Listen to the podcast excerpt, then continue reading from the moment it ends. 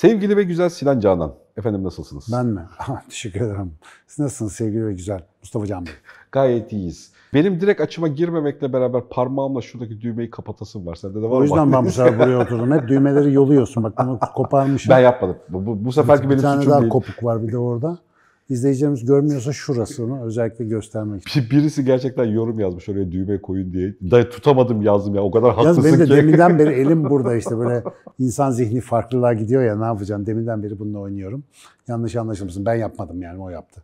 Bu inançların içerisinde sıklıkla yer alan, e, oradan anlatılan bir öykü grubudur ya cennetten kovulma hikayesi. Cennetten kovulup dünyaya gö- gönderilme hikayesi. Linç yiyeceğiz diyorsun yani. Aslında bana sorarsan linçlik bir konu değil ya da en azından yaklaşımım o taraf değil. Ben bu hikayenin evet sen senin evet doğru söylüyorsun. Öyle Sinan Canan efektini es geçmemek lazım konuda. Ben bu hikayenin aslında inançlarla ilgili olmaktan daha çok biyolojinin çok güzel bir konusu olduğunu düşünürüm en başından beri. Çünkü oradaki anlatıla gelen metaforların hepsi işte e, ne zaman biz e, insansı, primatla insansı arasındaki çizgideki bir atlayışla alakalı mevzunun aslında orada çok güzel tarif edildiğini, işte utanma duygusunun tarif edilirken atılma yani hani beslenmeye yaklaşım bilmem ne ile alakalı çok güzel metaforlandığını düşünüyor ya da e, zannediyorum. Acık bunun üzerine sohbet edelim. Yani biz cennetten neden kovulduk? Nasıl kovulduk? Şimdi Bunun soru- evremdeki ve biyolojideki karşılığı Benim birinci nedir? sorum şu, nereden biliyorsun cennetten kovulduğumuzu bir kere? Önce bunu sormam lazım. Mesela herkes de böyle bir cennetten ister ama biz bunu nereden biliyoruz? Anlatıla gelen hikayeler, öykülerin e, unsuruyla beraber. Bir, anlatısal bir şey yani. Bize Tabii. anlatısal bir hikaye geliyor. Ha. Biz bunları çoğu zaman özellikle insanlığın erken devirlerinde bir bilgi aracı olarak çok kullanmışız. Anlatılan anlatılan nesillere de aktarmışız.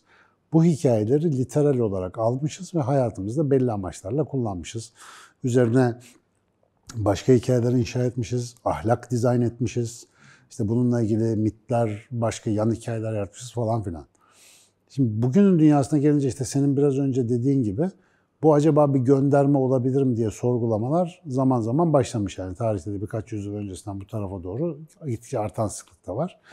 Ama bugün işin cılkı öyle bir çıkmış ki mesela Sinan Canan gibi bir biyolog çıkıp bu metinleri kafasına göre böyle yorumlayabiliyor ve bu birçok insanı sinir ediyor.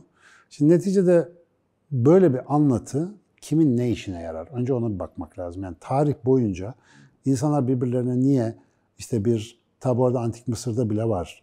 İşte orada Ra'nın, daha sonra İsa'nın işte öldürülüşü, göğe yükselişi, sonra dirilip geri gelişi, işte Bakire'den bir mesajcı doğması. Efendim, bunun gibi böyle bir sürü tekrarlayan hikaye var. Bunların içerisinde bir cennetten kovulma teması da hemen hemen herhalde bütün mitolojilerde şu ya da bu şekilde var. Var. Evet. Beni ilgilendiren şu, bu ne işe yarıyor bu hikaye? Orada insan bir şey yapıyor ya da bir şey oluyor. O onun bir halini değiştiriyor. Değiştirdiği halin bir bedeli var. Ama o değişim o kadar zorunlu ki ondan e, yani Tanrı şeytan herkes haberdar. Bütün sistem planın içerisinde işliyor. Ve insanın insan olma yolculuğunun zoraki bir başlangıcı olarak anlatılıyor. Yani insan bir cennetten kovuluyor. Dünyaya yani ana hikayenin böyle lafzi ifadelerine bakarsan dünyaya dağılıyor. İşte mesela İslam'da anlatılan versiyonuyla geçimlik olarak dünyada bir zaman geçiriyor. Sonra tekrar kaynağa dönüyor ya da dönmesi gerekiyor. Hikaye bu. Şimdi bunun işlevselliğine baktığım zaman mesela bireysel olarak bana günlük hayatımda bir işe yarıyor olması lazım. Boşu boşuna anlatılmaz bunlar.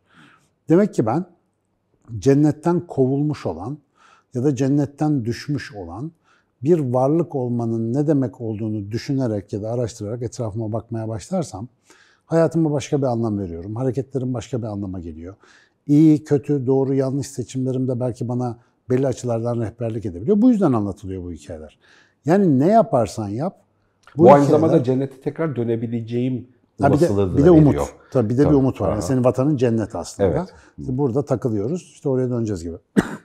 yani insan da bir davranışsal değişiklik yapsın. insanı daha iyi yapsın diye anlatılan hikayeler. Sonuçta bu hikaye ta bir tarih kitabında Fatih Sultan Mehmet'in bilmem ne anlaşmasında attığı, imza attığı kalemin markasını anlatmak için anlatılmıyor. Yani tarihte kalmış bir olayı aktarmak üzere dizayn edilmiş hikayeler değil. Burayı niye böyle baskılı ve sündürücü bir şekilde söylüyorum? Bu hikayelerin tamam metafor. İster Kur'an'da yazsın, ister Upaşinatlardan gelsin, istersen Vedalardan oku, ne yaparsan yap. Onların hepsi bugün bana, sana, bize bir e, düşünme yöntemi öneriyor, bir çerçeve çiziyor. Şimdi ben senelerdir zaten e, dindar bir çevrede büyümüş, bu hikayelere çok fazla miktarda maruz kalmış.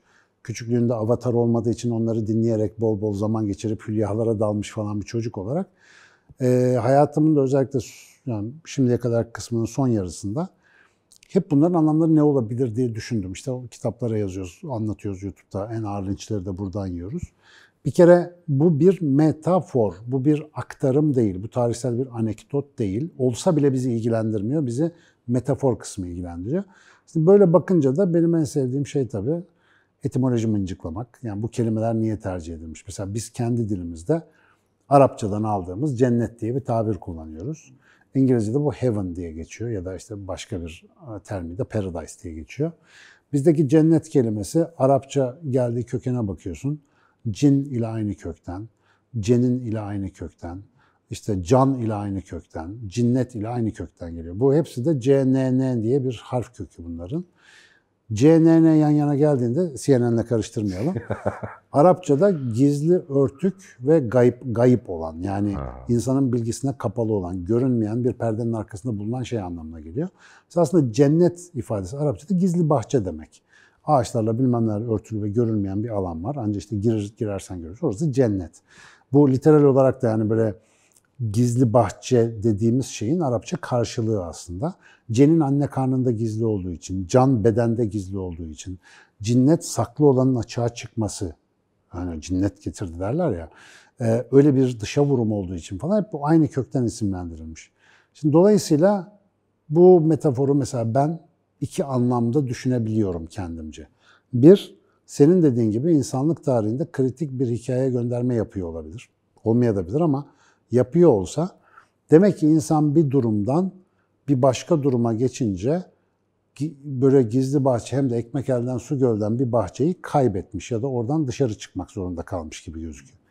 Şimdi demin sen söylerken primattan insana bir aşama dedin ya öyle bir şey oldu. Aslında böyle bir aşama yok. Yani mesela şunu çok güvenle söyleyebiliyoruz. Her insanın anne babası muhakkak insan. Bunu söyleyebiliyoruz. Yani kaç nesil geriye gidersen git, insan sürekli insandan doğuyor. Bunun alternatifi yok.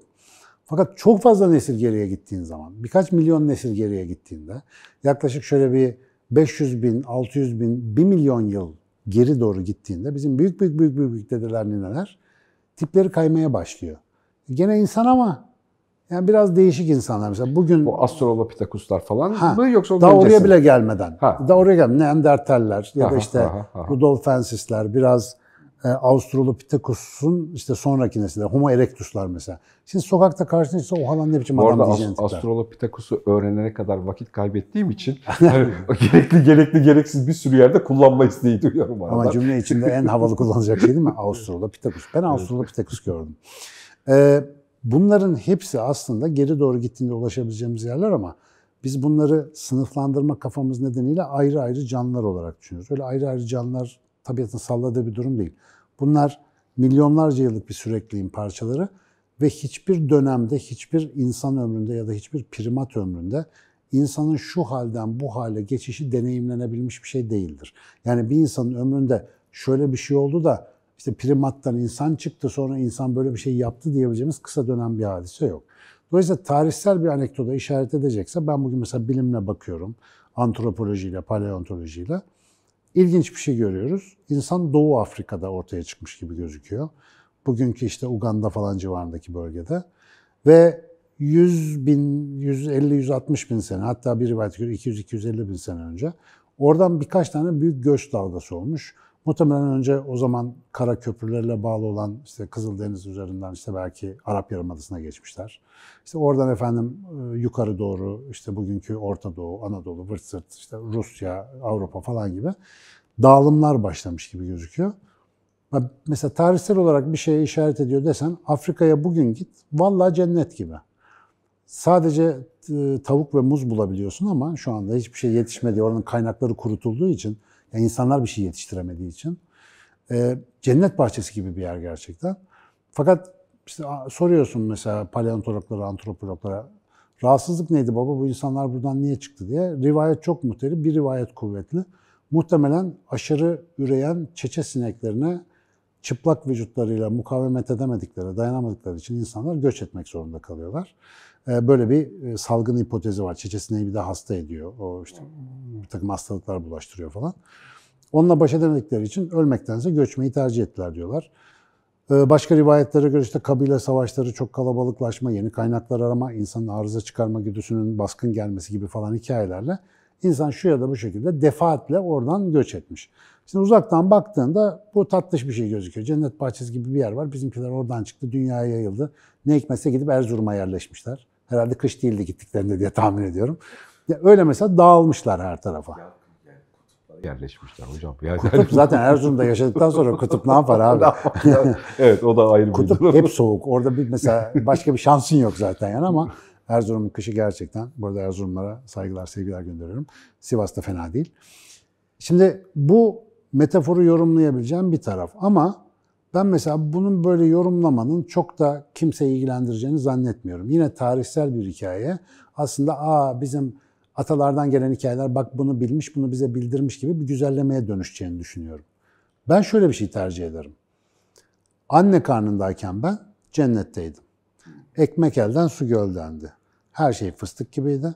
Sonra plöp diye bir doğdum. Her tür dönüşümün hikayesinin Yes. bir parçası olarak kullanılabilir. Mesela biri bu. Anne karnından dünyaya gelmek. Düşünsene su canlısıyken ağırlığı olan, ağlamak zorunda olan, Artık eti, eti kendisine Ha, hissedilir şekilde tabii. baskı yapan. anneden ayrılan, vatanından uzağa düşmüş, en azından çiğneyip yutmak zorunda olan bir canlıya doğru giden bir sürece giriyorsun mesela. Ya da çocukken lay lay lom oynuyorsun böyle. Diyorlar ki okula gideceksin. E oynuyorduk ne güzel ne oldu? Yok artık sorumluluklarım var. Çocuksun, okuldasın. Herkes sana bir şeyler işte öğretmek için, hayatını kolaylaştırmak için yarışıyor. Erişkin oluyorsun. Diyorlar ki artık elini iş tutacak. İşte hayatı ele geçireceksin, bilmem ne yapacaksın. Bak sürekli bir cennetten kovulmalar yaşıyoruz aslında devamlı ve hep Hani seninle daha önce konuşmuştuk. Bu nostalji hissiyatı var işte devamlı insanlar öyle ah bir geçmiş, ah bir geçmiş. O zaman da demiştim yani geçmiş zamanın en büyük esprisi bir daha gelmeyecek olması ya. Hep geçmiş olan özleniyor. Çünkü orada daha sorumluluğun az, daha böyle hayatla kaynaşık vaziyettesin ama sonra işte büyüdükçe falan bir şeyden uzaklaşıyorsun. Bu bütün bu sürecin aslında bence en önemli belirleyeni bilgi. Yani farklı bilgiler elde ettikten sonra, bilgilendikten sonra bir gözün açılıyor, bir şey oluyor ama o sana bir sorumluluk yüklüyor. Artık bir şey yapman gerekiyor. Hayatını yönlendirmen gerekiyor falan. E şimdi bizim mesela İslam'da anlatılan şekliyle genelde ya burada birçok ilahiyatta benzer hikaye var ama mesela Kur'an kökenli olan oldukça budanmış bir hikayedir. Mesela orada elma yemek yoktur, Havva yoktur. Öbür çeşitlemeler Kur'an'ın versiyonunda geçmez. Orada hatta Adem de değildir o figür. Mesela birçok yerde Adem diye geçer ama ilk insan ağaca yaklaşmama konusunda uyarılır. Sonra dayanamaz gider, ağaca yaklaşır ve ondan yer. Bu kadar. Ne yediğini bilmiyoruz. Sonra işte bir şeyler olur, e, ayıp yerleri onlara gözükür, çıplaklarını hissederler. Yerdeki yapraklarla üzerine örterler. Bu mesela hayvandan insana dönüşle alakalı çok sembolik bir anlatıymış gibi gelir bana hep. İşte Her dinlediğimde. öyle de alınabilir. Çünkü Evet. onu diyeceğim mesela o ağaç, Ama doğru söylüyorsun. Mesela çocukluktan yetişkinliğe büyümede de bir metafor olabilir. tabii tabii. Çocukken çükü takkat dolaşıyorsun ortalıkta falan. Yani hani büyüdüğünde bu bir ayıp oluyor artık. İşte çocuğu hep veririm ya örnek. Çırçıplak soy, AVM'ye sal. 2 yaşına kadar sorun yaşamazsın. Ama 7 yaşında çocuğa onu yap, kafayı yer. Niye? Çünkü artık beyin gelişmiş. Ben öbürü, ayıp, günah falan kavramlar oturmaya başlamış. Dolayısıyla aslında cennet biraz öyle bir yer. İnsanın kendisiyle tam bütün ve barışık olduğu bir hal. Peki işte o ağaçtan yenen şey, yani bana ne anlatıyor sonuçta? Diyor ki bili, bilmeye müştaksın, uzak duramıyorsun, soruyorsun, aşıksın bu işe. Ama bunun bedeli var. Yani bildiğin zaman bir şey olacak, bir şey yapman gerekecek. Mesela bu beni Geçtalt'ın o önemli prensibine götürüyor. Eyleme geçmeyen farkındalık pişmanlıktır hikayesi var ya. Düşündüğümden daha üretken bir konu oldu bu arada. Farkında mısın? Çok, Biz- çok çok. Mesela ben de sen bunu getirmeden önce bunların hiçbirini düşünmedim. Ha, Ama evet. yani ben senelerdir bu tip metaforları çiğneyerek aslında bunu yapmaya çalışıyorum. Yani ben burada ne öğrenebilirim ama kendime dair. Antropolojik bir şey öğrenecek olsam bu hikayelere değil, gider antropolojiye bakarım. Şimdi genellikle bu tip muhabbetlerin altına şu yorumları yapmaya bayılıyor sevgili bazı izleyiciler. Bazı küçük bir grup ama işte öyle olsaydı Kur'an'da yazıyordu o zaman niye onlar bulmadı falan. Konu o değil. insanlık tarihindeki bazı örüntüler bu hikayelere yansımış olabilir ama metafor bana lazım, sana lazım. Yani bizim kendi hayatımızla ilgili bir farkındalık yakalamakla ilgili bir şey. Dolayısıyla hepimizin bir gizli bahçesi var. Vardı ve belki hala şu anda o gizli bahçede bir şekilde bulunuyoruz ama şimdi şu anda burada bir bilgilenme yaşadığımızda, bir farkındalık yaşadığımızda artık o cennetten çıkmak zorundayız. Yani her öğrendiğimiz anlamlı ve bizde bir şey değiştiren bilgi bizi cennetten kovar mı? Bizi kendi cennetimizden çıkartır mı? Çıkartır daha doğru. Şimdi mesela cennetten kovulma da bizim İslami literatürde kovulma şeklinde geçmiyor mesela. Orada bir ilginç nüans var. Hikayeyi sakin kafayla okuduğunda hikayenin diğer çeşitlemelerine göre çok daha kısa, öz ve heyecansız geçtiğini görüyorsun. Çünkü gidiyor o ilk insan, ağaçtan yiyor. Mesela Allah hiç bozuk çalmıyor yani. Ne yaptın sen falan böyle işte yakarım yıkarım yok öyle bir şey. Madem yediniz yeryüzüne dağılın. Orası sizin için geçici bir süre geçimliktir.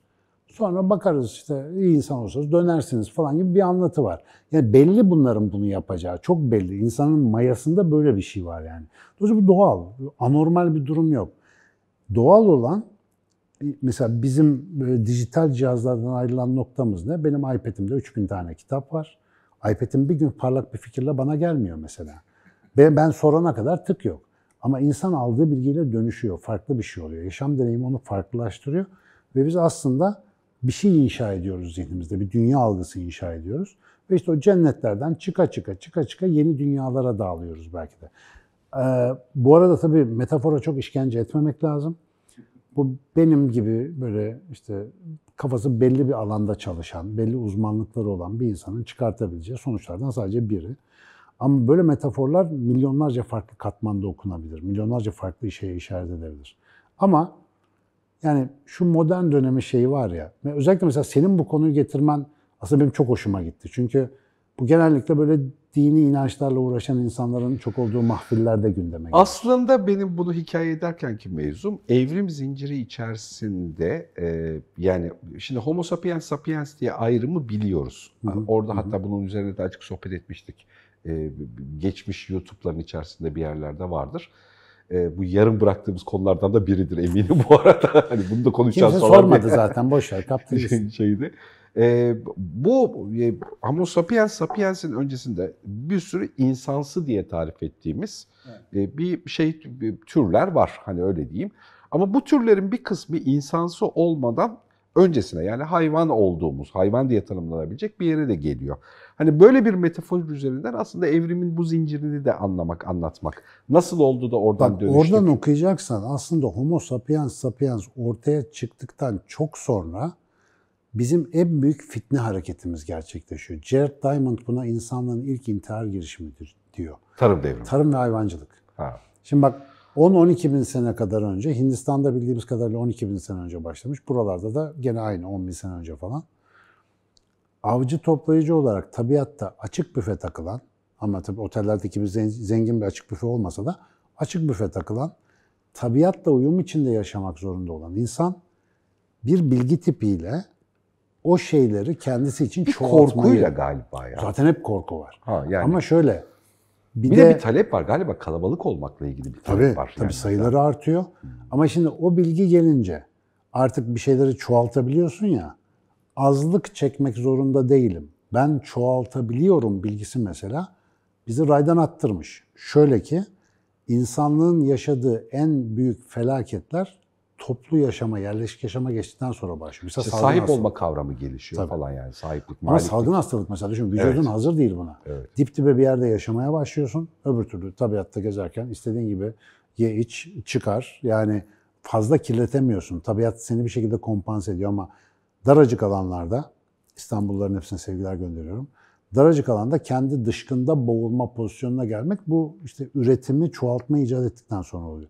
Şimdi mesela aslında bu geçişi dikkat et doğada devrimler, yıkımlar, kovulmalar yok. Doğal süreç son derece doğal gidiyor adı üstünde. Yumuşak, e, kaotik ama geçişken. Fakat insan devreye girdiğinde cin fikirler başlıyor. İşte bilgi girdiğinde manipülasyon başlıyor, teknoloji başlıyor. Mesela bugün 30 sene önceki dünyayla bugünü kıyasla Abi kafayı yiyecek durumdayız. Yani cebimizdeki teknolojileri hala akıl erdiremiyoruz mesela. Bu da yine bir cennetten kovulma. Başka bir şey yaşıyoruz şu anda ama hani majör olarak tarihten bakacak olsam ben orayı görürüm. O tarımı icat etme, yerleşik hayatı. O günden sonra insan yemekten ölmeye başladı mesela. Aşırı tüketmeye o zaman başladı. Tabiatta nerede Roma İmparatoru gibi gömeceğim böyle? Yok öyle bir şey yani. Sonra çıkıyor o işler. Bu da diyorsun bilginin bir başka evresi ve kıv- kıvrımı. Bak o ve- düşün, bütün farkı yaratan bilgi ha. YouTube'dan diktim çıkıyor. Şu hayvan işte bu kadar takıldık. İşte dedemden aldım. O atıyorum belki mandalardan, biz onlardan mı nereden türettilerse bugünkü inekleri. Ya diyor bu diyor besledikçe bunun yavrusu işte daha çok süt veriyor bilmem ne. Ben diyor bunu alırım, satarım, etinden, sütünden faydalanırım falan demeye başlayınca artık diyor ki ben tabiatın şeyine mahkum değilim yani e, şartlarına mahkum değilim. Kendi dünyamı yaratayım. Tabii Tabiat yani cennet. şeyi Kendi dünyan çıkış. şeyi de fark ediyorsun. Bu kadar entelektüel de değil ya aslında. Çok daha basit şeylerden yani evrimin de davranışında olduğu gibi çok basit şeylerden sakınıp çok basit şeylere talepte bulunuyoruz. şey. Daha güçlü olmak istiyorsun, kalabalıklık hoşuna gidiyor ya da işte çok kolay ölüyorsun, ölmemek istiyorsun falan gibi böyle basit davranışlar yönlendiriyor ya bu işi. Bunu ilk fark ettiğimde evrimi anlamak açısından da çok eğlenceli gelmişti bana. Mesela işte bu Yani makro. zengin bir entelektüel bilgi değil yani. Bu oturup da karar verip bundan sonra tarım yapalım arkadaşlar. Öyle bir şey yok yani. Mecburiyet abi. Evet. Yani sıkıyorsa yapma işte. O, o ağaca gidip ondan yemesi gibi. Kaçınılmaz bir şey. Ama mesela şimdi gene konuşurken, şimdi bur- buraya güzel şey yaptık. e, onu yorduk. E, bir, bir rahatlama geldi bize. Hmm, orayı açıklayabilir. Ama mesela aynı anda aynı metafor şöyle gibi oldu. Diyelim ki ergen ya da ergenlikten az daha büyük bir çocuğun var. Gayet güzel takılıyorsunuz, ilişkileriniz iyi. Bir gün sen onun internetteki gizli hayatını merak ediyorsun. Çaktırmadan telefonuna girip WhatsApp şifresinden falan yazışmalara bakıyorsun ki hiç kaldıramayacağın bir şeyler görüyorsun orada. Şimdi yedin ağaçtan. Önceki bak ne güzel cennet gibi, sanal da olsa cennet gibi olan ilişkiyi öğrenince bozdun. O artık değişti, başka bir şeye döndü. Mesela o anne babaysan onu öğreneceksin abi, kaçarı yok. O ağaçtan yiyeceksin yani. Ama sonra sonuçlarına hazırlıklı olacaksın. Her şey eskisi gibi olmayacak artık. Bir şeyler değişecek. Yani bana abi bu metafor diyor ki seve seve değişim dolu bir dünyada yaşayacaksın. Yani burası hep değişecek. Sen hiç öyle bir ben bir sabit olayım, her şeyim tatlış olsun, bir elim yağda, bir elim balda böyle bir dünya yok. İktidarı arttıkça acizleşen bir varlık olduğumuzu bize hatırlatıyor bence. Mesela elma kurdu, elmanın içinde yaşıyor. Düşünsene baba 360 derece yemek dolu her tarafı. Ama mesela kurnaz tilki devamlı karganın peynirinin peşinde değil mi? Masalda olduğu gibi. Aç geziyor herif. Karnı sırtına yapışık. Çünkü o biraz daha zeki, işte avlanmak zorunda, kumpas kurmak zorunda falan. Elma kurdunun öyle bir derdi yok abi. Bebek ağzına süt fışkırıyor bebeğin. Biz emiyor zannediyoruz ama emmiyor. Memeyi eziyor, ağzına süt fışkırıyor. Tamamen beleş besleniyor. Ama acık büyüyor, sofrada doğru otur. Çatalla ye bilmem ne başlıyor. Kurallara bağlamaya başlıyorsun çocuğu. İşte o yetkinleştikçe, iktidar elde ettikçe bir cennetten kovulduğumuzu hatırlatıyor bize. İnsan olmak gelişmek, insan olmak öğrenmek, insan olmak e, dünyayı manipüle etmekle ilgili bir şey okey. Ama yani hiçbir zaman tabiattaki gibi bir şey beklemeyeceksin yaptığından. E böyle bakınca aslında benim insanın fabrika ayarları cennetten kovuluşun çareleri kitabı oluyor. Yani bütün hikaye bu. Bu yeni bilgiyi biz ne yapacağız sorusunun cevabı oluyor yani. Şey. Tabii. İşte hayatta işte bu kadar şey yaptın. Hep anlatıyoruz yani. En büyük zorluk çokluklar dünyasında boğuluyor olmamız. Yani bir sürü şey yaptık. Hızlıyız, üretiyoruz bilmem. Hiç kimse mutlu değil. E, böyle üzerine düşünce şeyi de fark ediyorum. E, böyle geriye doğru gittiğimizde, yani evrimin içerisinde de gittiğimizde, e, hayvanla ilgili e, o tarım devrimi sonrasındaki atadığımız, yani bizim ondan kudretli olduğumuz, bizim ona sahip olduğumuz, malik olduğumuz duygusunun ötesinde hayvanın kendi coğrafyasındaki varoluş, herhangi bir hayvanın, bir primat da olabilir, bir kedi de olabilir falan. E, onun kendi varoluşunun içerisindeki hisleri ne kadar anlayamadığımızı, konuya ne kadar aslında uzak olduğumuzu birden şimdi böyle anlatırken fark ettim. Yani vahşi doğadaki hayvanların içsel evet. dünyası. İçsel dünya, his, hissel dünyasının kendi varoluşuna ne kadar hani çok dışarıdan, çok insan şablonuyla insan piti kareli e, şey- şeylerini kullanarak, e, cetvellerini kullanarak baktığımızı fark ediyorum. Abi zaten şeye baksana yani o kadar basit bir çok basit bir derece farkı nedeniyle bu kadar haltı yiyoruz biz. Mesela inek otluyor abi. İşte ineğin otlamasını isteyen herkes bugün de hala çok şükür görebilir. Abi koca bir çayır var. İnek yiyor, burayı bitiriyor, yana geçiyor, burayı bitiriyor. Şu kafayı kaldırsa çayırın gerisini görüyor. Şu, şu soruyu hiç sormuyor. Bu çayır biterse biz ne halt yiyeceğiz? Yani ye ye bitecek burada 400 ineğiz mesela. Komple hepimiz yiyoruz ve hızlıca da yiyoruz. Tam sonra geviş getireceğiz falan. Bu otların bir sonu var yani. işte atıyorum orada dağ başlıyor, orada deniz başlıyor.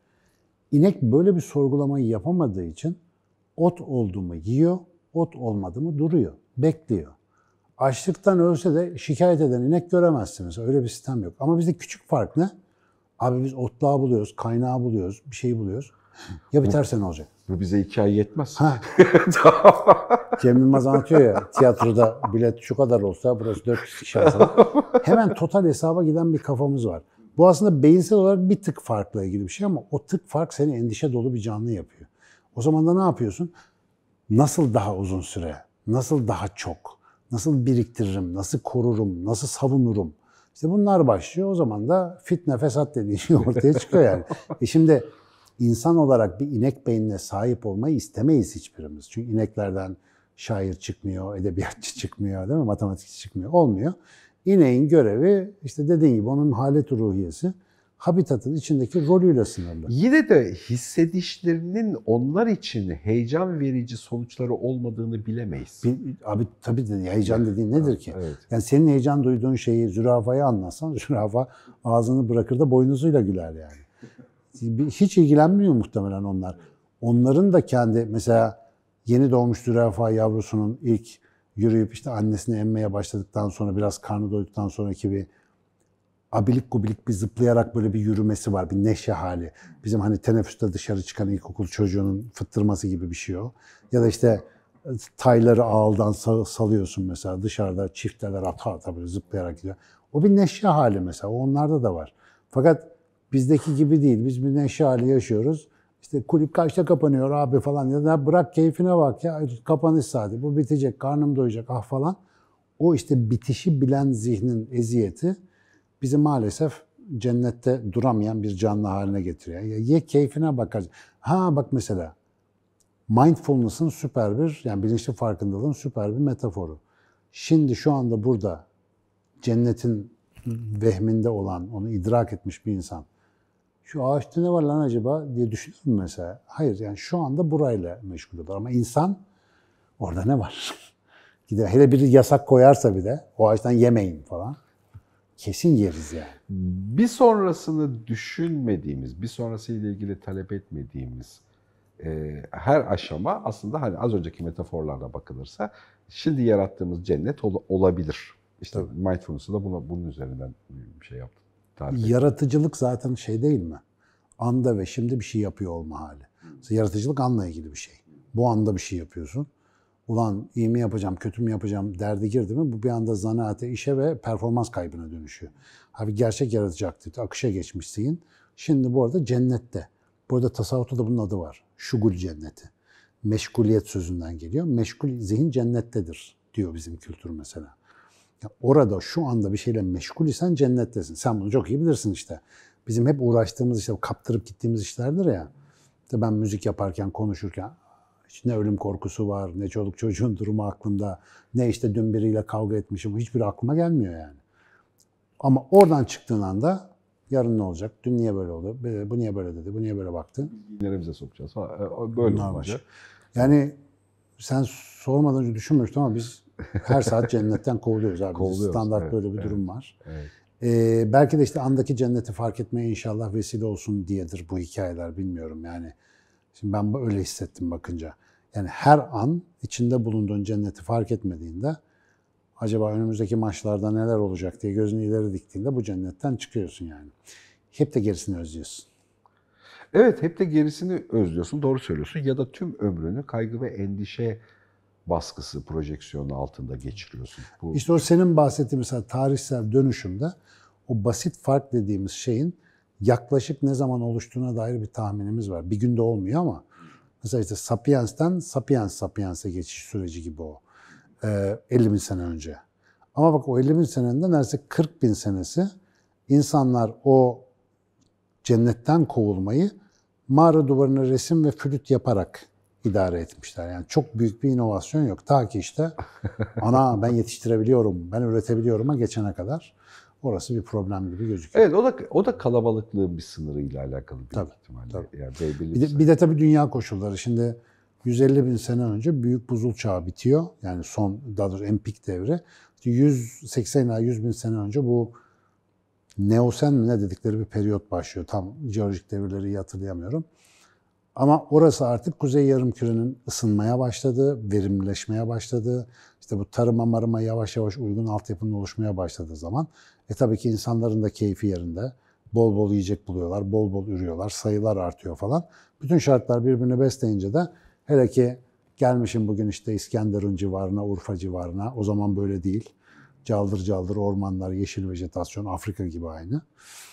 Ondan sonra işte illa tabiattan mıncıklamayı seven, oynamayı seven, ağaçtan yemeyi seven birileri la bunu diktim çıktı ya falan filan gibi başlamış.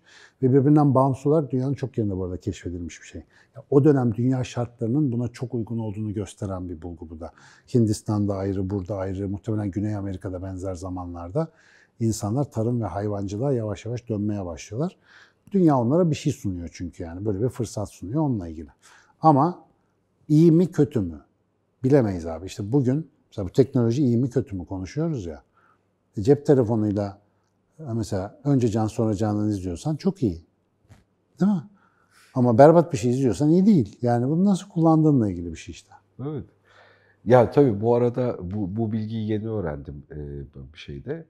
E, dünyada hiç olmamış bir şey gerçekleşiyor. İlk defa dünyadaki kümülatif sermayenin çok önemli bir kısmı 60 yaş ve üstü insanın elinde.